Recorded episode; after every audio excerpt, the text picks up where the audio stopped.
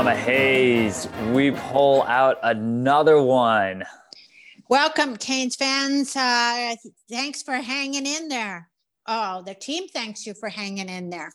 And we thank the team for hanging in there because holy moly, I wasn't sure if they were going to pull it off again. And again, they surprised us and they got it done.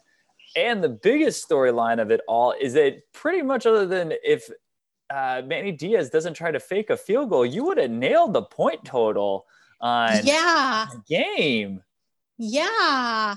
Well, and they would have uh, had four points more than they had. Yes, or three because it's a three-point field goal, but that's okay. Um, or I guess they would have. Kicked. Oh no! Points. Oh, I'm talking about the extra points. Okay, yeah. I mean, they left a lot of points out on the field there as well because then they probably would have just kicked. You would have been over, but anyway, yep. semantics on it. It was pretty darn close. 25 24 was pretty darn close to 28 to 24. As you said, too, it would be a close game. I said it would be a high scoring affair. It was not at all. But the Canes, once again, make the big plays when it counts the most. And again, it's really nice to have a quarterback that just calms everyone down and makes a play when he needs to. And D'Eriq King. Yes. And guess who did not get a targeting call again this week? That's oh. two in two in a row, two in a row. We're already jumping over to the defense. All right, I like it, keeping me on my toes here. You know, definitely. No, I'm sorry. I just was so excited about it. I just couldn't wait. Wow. All right. You know what? You're the one that's always good at this. You got the ones with the predictions. You know good content, mom. So I'm just going to stay out of the way. So good work. Yes. Amari okay. Carter stays in the game for the second week in a row. How about that? I think that's uh, tremendous, and uh, and it, it shows great effort. But he was probably threatened within an inch of his life, since they were missing so many people players. yeah, that was a huge storyline in this game since they were missing 13 players going into this game. Who knows how many players were in and out of practice the week leading into it, uh, with the reports being a lot of um, COVID 19 positive testing or contact tracing. We'll get more into that later in this podcast. Um, but it definitely sounds like the Canes were pretty much bringing a skeleton crew to Blacksburg and so much so that they were not favored to win that game. So they were underdogs as the number nine team in the country going in against a team that just lost to Liberty, which was pretty amazing.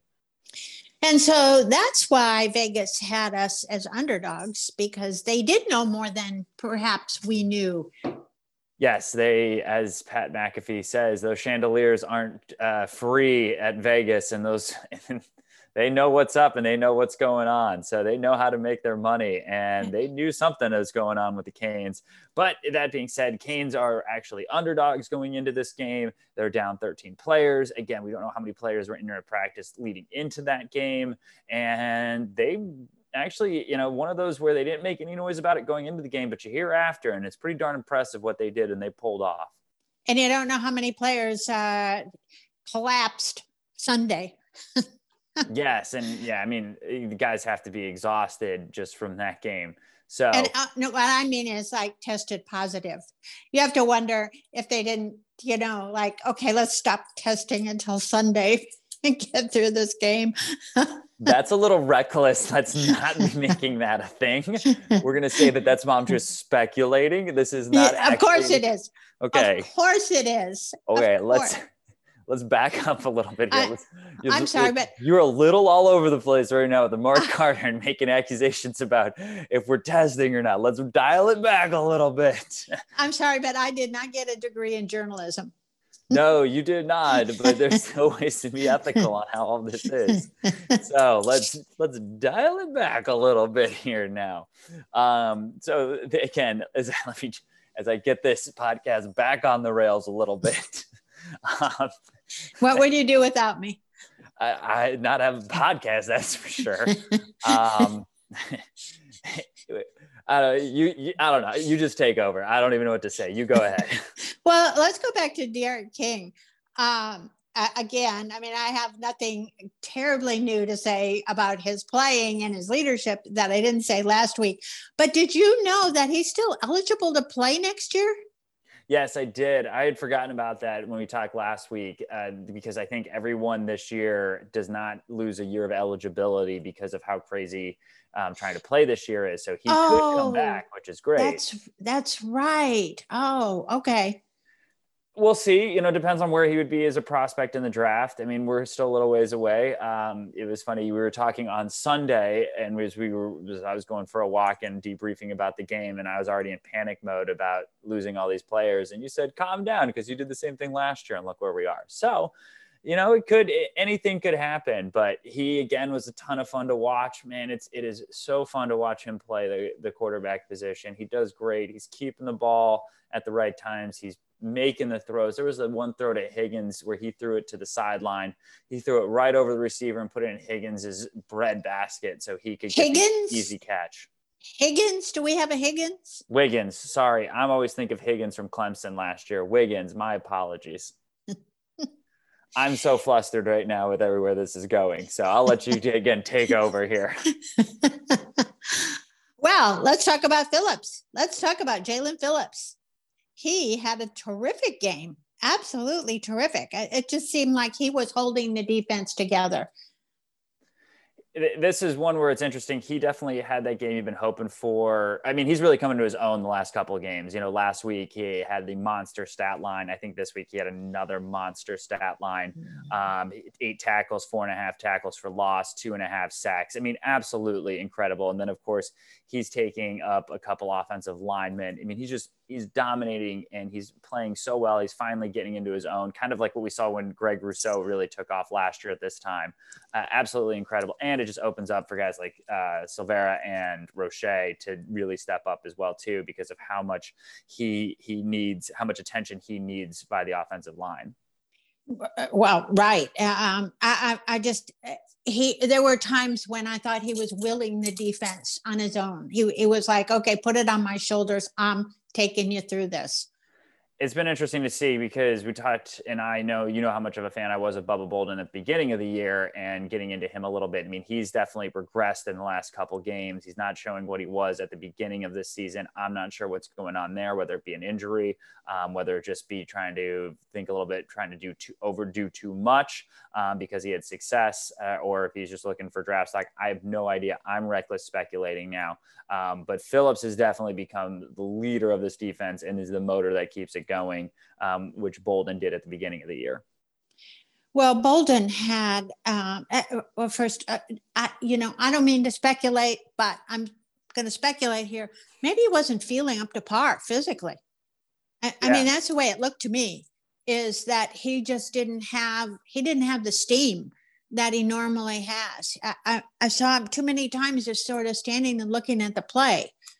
Um, and then he had a personal foul. He had a foul. He had that um, the pass interference call on what was uh, a deflection. I thought looked like a deflection. I also and, don't get that too because he jumped the route and was called for pass interference. Like he has the same right to that spot that. But anyway, we can get into penalties in a little bit that happen. And, and he just missed tackles. He just flat out missed tackles. Yeah, and you say and you touched on it that that um, personal foul came at the worst time too because it was a third and 22. It was a sack. I think Phillips or, Roche, whoever had the sack, would have had another sack uh, on top of their impressive total. Uh, but uh, Bolden wiped it away, making a, a boneheaded play by knocking a guy over that was 30 yards away from where the play happened for no reason. So um, he's got to be better yeah the, like you said there's something there's something amiss there and uh, uh, who knows what it is. We, we may find out. We may find out but another guy that stepped up in his place in the secondary and while not playing safety playing cornerback has been Te'Cory Couch and we've really seen him come on the last few games. I think it was the pit game where he really started having a great game and he stepped in and he got another interception. Uh, he was just kind of one of those guys that was – in every other play or so. Mm-hmm. Um, you know, he yep. had a couple of hurries. They were blitzing him, which was great to see. And he just kind of has a nose for the ball. I mean, he's he's another guy playing with some confidence that likely will be back next year and will be a, another great player. Kind of reminds me of the same like fire and a little bit bigger and a little bit more athletic than uh, Bandy was last year. He's a sophomore. I know, so he'll be back for sure. Yeah, so great, great. Which is well, which is great. Let's see. So you um oh yeah. So I predicted the turnover. I know, I'm getting there too. you, it's either it's either our friend Leslie or me that says we need a turnover and it like happens within two or three plays. Yes, you and Leslie picked the spots. And I'll bring in the audience our good friend Leslie that uh, got us really into the Miami Hurricanes when I was really young, uh, taking us to Mark Light Stadium for baseball games, and then was our Orange Bowl buddy when I was in high school. Uh, was uh, we're in a group text every Miami Hurricane game, and anytime you guys ask for a turnover right after we score, uh, it's it's happened the last couple games. So let's keep that magic going, guys. I almost instead of saying we need a turnover, I almost said Leslie predict a turnover. it, it, all worked. You, you did your part this time. I guess maybe now it'll be my turn this this coming game, whenever that is. Whenever it is, yes. So now, one area where the Canes did not do a great job, um, other than Bubba Bolden's uh, penalties and not great play, was actually the penalties by the Hurricanes. And I will say, yes, we were undisciplined. Yes, a lot of those penalties were deserved, but the fact that Virginia Tech only had two, one was like a false start and one was an offsides the entire game. That's a little ridiculous. Where again, I don't want to get and say and harp on the referees, but this seems to happen a lot. Yes, we play undisciplined, but every other team is not that disciplined where all of a sudden their average of like eight penalties a game goes down to one or two every time they play us. So it was interesting. Um, a friend of mine is a Virginia Tech fan, and um, I saw him on Monday night. And so I tried not to be a bad winner, a rude winner. Rude winner. Um, so we, but we did have a short discussion about the game, and he said, well, he and his daughter, who actually attended Virginia Tech, is why he's a fan, is like, yeah, we were really complaining about the refing, and I thought, what what do you have to complain about other than the two very favorable spots that we got in the fourth quarter? Yes, which which can change a game too. And I, I, listen, any fan base can pick and choose at the refereeing, but I think when the stats really show it, it it's one easy to hold up a little bit on the penalties there as well. So, um, well, I have this theory that the refs sometimes make up for bad calls, and I thought the pass uh, interference call on Ivey was perhaps compensated for by those two good spots yes, I for man, that was a terrible call too. I whatever. It's frustrating. Um, and also, what's frustrating too is another Virginia Tech quarterback we barely could contain. Um, again, Phillips had a great game, and, and Couch had a great game to contain him, but he opens up. And, and some of the worries I have, and especially for the rest of the season, and, and looking down at a schedule that has Wake Forest and North Carolina on it, still two good teams that can score pretty well, and was in a shootout uh, this weekend against each other. Uh, we got to step up better uh, defensively in the first half. We just seem to come out not prepared, a little bit surprised by their game plans against us. This is a couple weeks in a row now, and it's usually offense actually having to bail us out later in the game, which is fine. It works. It's just not how you really want to do things as well. Um, the, the the defense does make a good job of adjusting at the half, but I just think that's going to come back to hurt us at some point. It's not the way to win a game on a consistent basis. No, I, and I don't know if that's a what Blake Baker's doing as the defensive coordinator. A lot of people are pointing fingers at him, um, but it just doesn't seem like they're as prepared to start the game. And then um, we we make adjustments, which is great, uh, but they just need to be better to start. So, but anyway, all right. Well, the last thing I'll say to wrap up this uh, this segment or whatever this was that we went on this ride with you uh, was is I am calling this if we do not figure out how to field punts better, it is going to cost us a game at some point this year. This is the same way that I said about a punter a few years ago and a kicker the last couple of years. This is the next phase of the game that is driving me nuts on special teams is that we cannot get a guy this year to catch a punt cleanly and it's driving me crazy. Thank you very much anyway, that's my rant. You have anything else before we wrap up this segment? This was all you. You, you kind of you, you steered this ship today.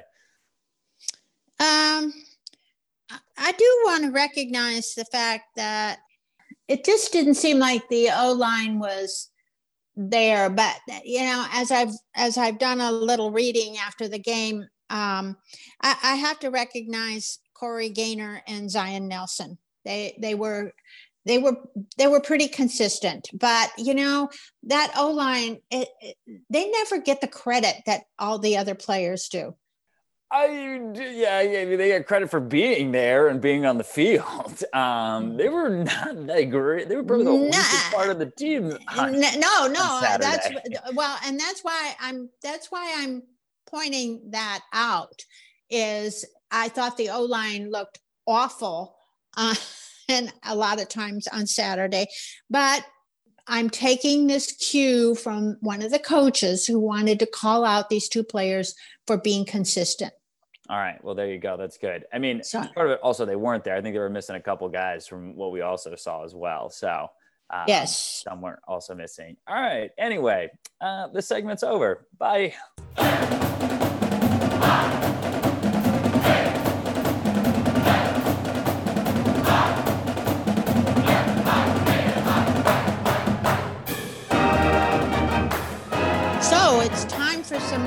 And rice and some muffins to go with them. Let's go. I have to give the red beans and rice to Jaelan Phillips. And I'm sorry, I'm not the only one who's recognized his absolute stellar performance on Saturday. He got the Bednarik Play Player of the Week award, which is the for anyone who does not know what the Bednarik Player of the Week award is. What is that award, Mom? I don't know what it is. It's for the college top defensive player of the week. Wow. Complete, I mean, through not ACC, not the East Coast, the whole country. Wow, that's pretty impressive. It um, is Definitely deserved for sure. And and but I was going to give him the red beans and rice before I knew that he got the award. Wow. So you actually gave them before the the this award came out for him, huh? I I I pretty much had him picked throughout the last quarter, but then when he did that, when he was in on the stop for the multiple laterals at the end of the game, I was like, yeah, that ices it. yeah. Yeah, when he was down on the ground, um, and I think if Manny Diaz or somebody gave him a hug on something on the ground, I didn't they were see just that. Happy to get, they were just happy to get that game over with. yeah.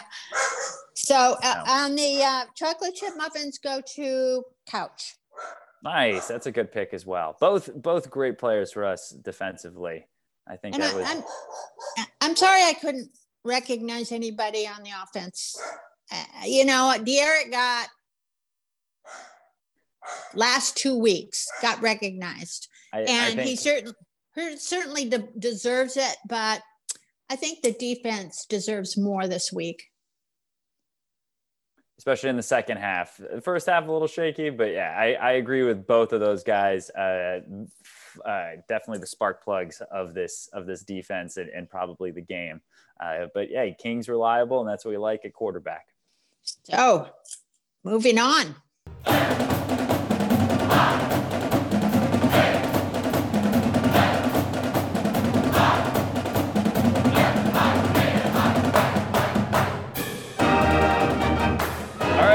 This is when we would do our Georgia Tech preview or get ready for the next game. But we have found out this week that all games are being pushed into December.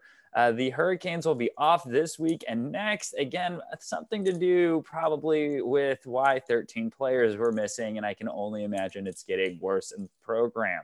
So, they are off. We will see them again on December 5th against Wake Forest, December 12th against North Carolina, and may or may not play the 19th, depending if they're in the ACC title game or if it has implications to play in the ACC title game. It's weird. It doesn't make a lot of sense right now, but hey, it's 2020 college football season. When is the ACC title game? That's a great question. Why don't you filibuster while I look it up? Oh, oh, okay. Well, you know, I I found the whole thing rather confusing because I thought that the UNC game was being postponed till the last game. And then I read in the Sarasota Herald Tribune that it was Georgia Tech, and I thought, well, that's an unreliable source. So I had to keep had to keep looking.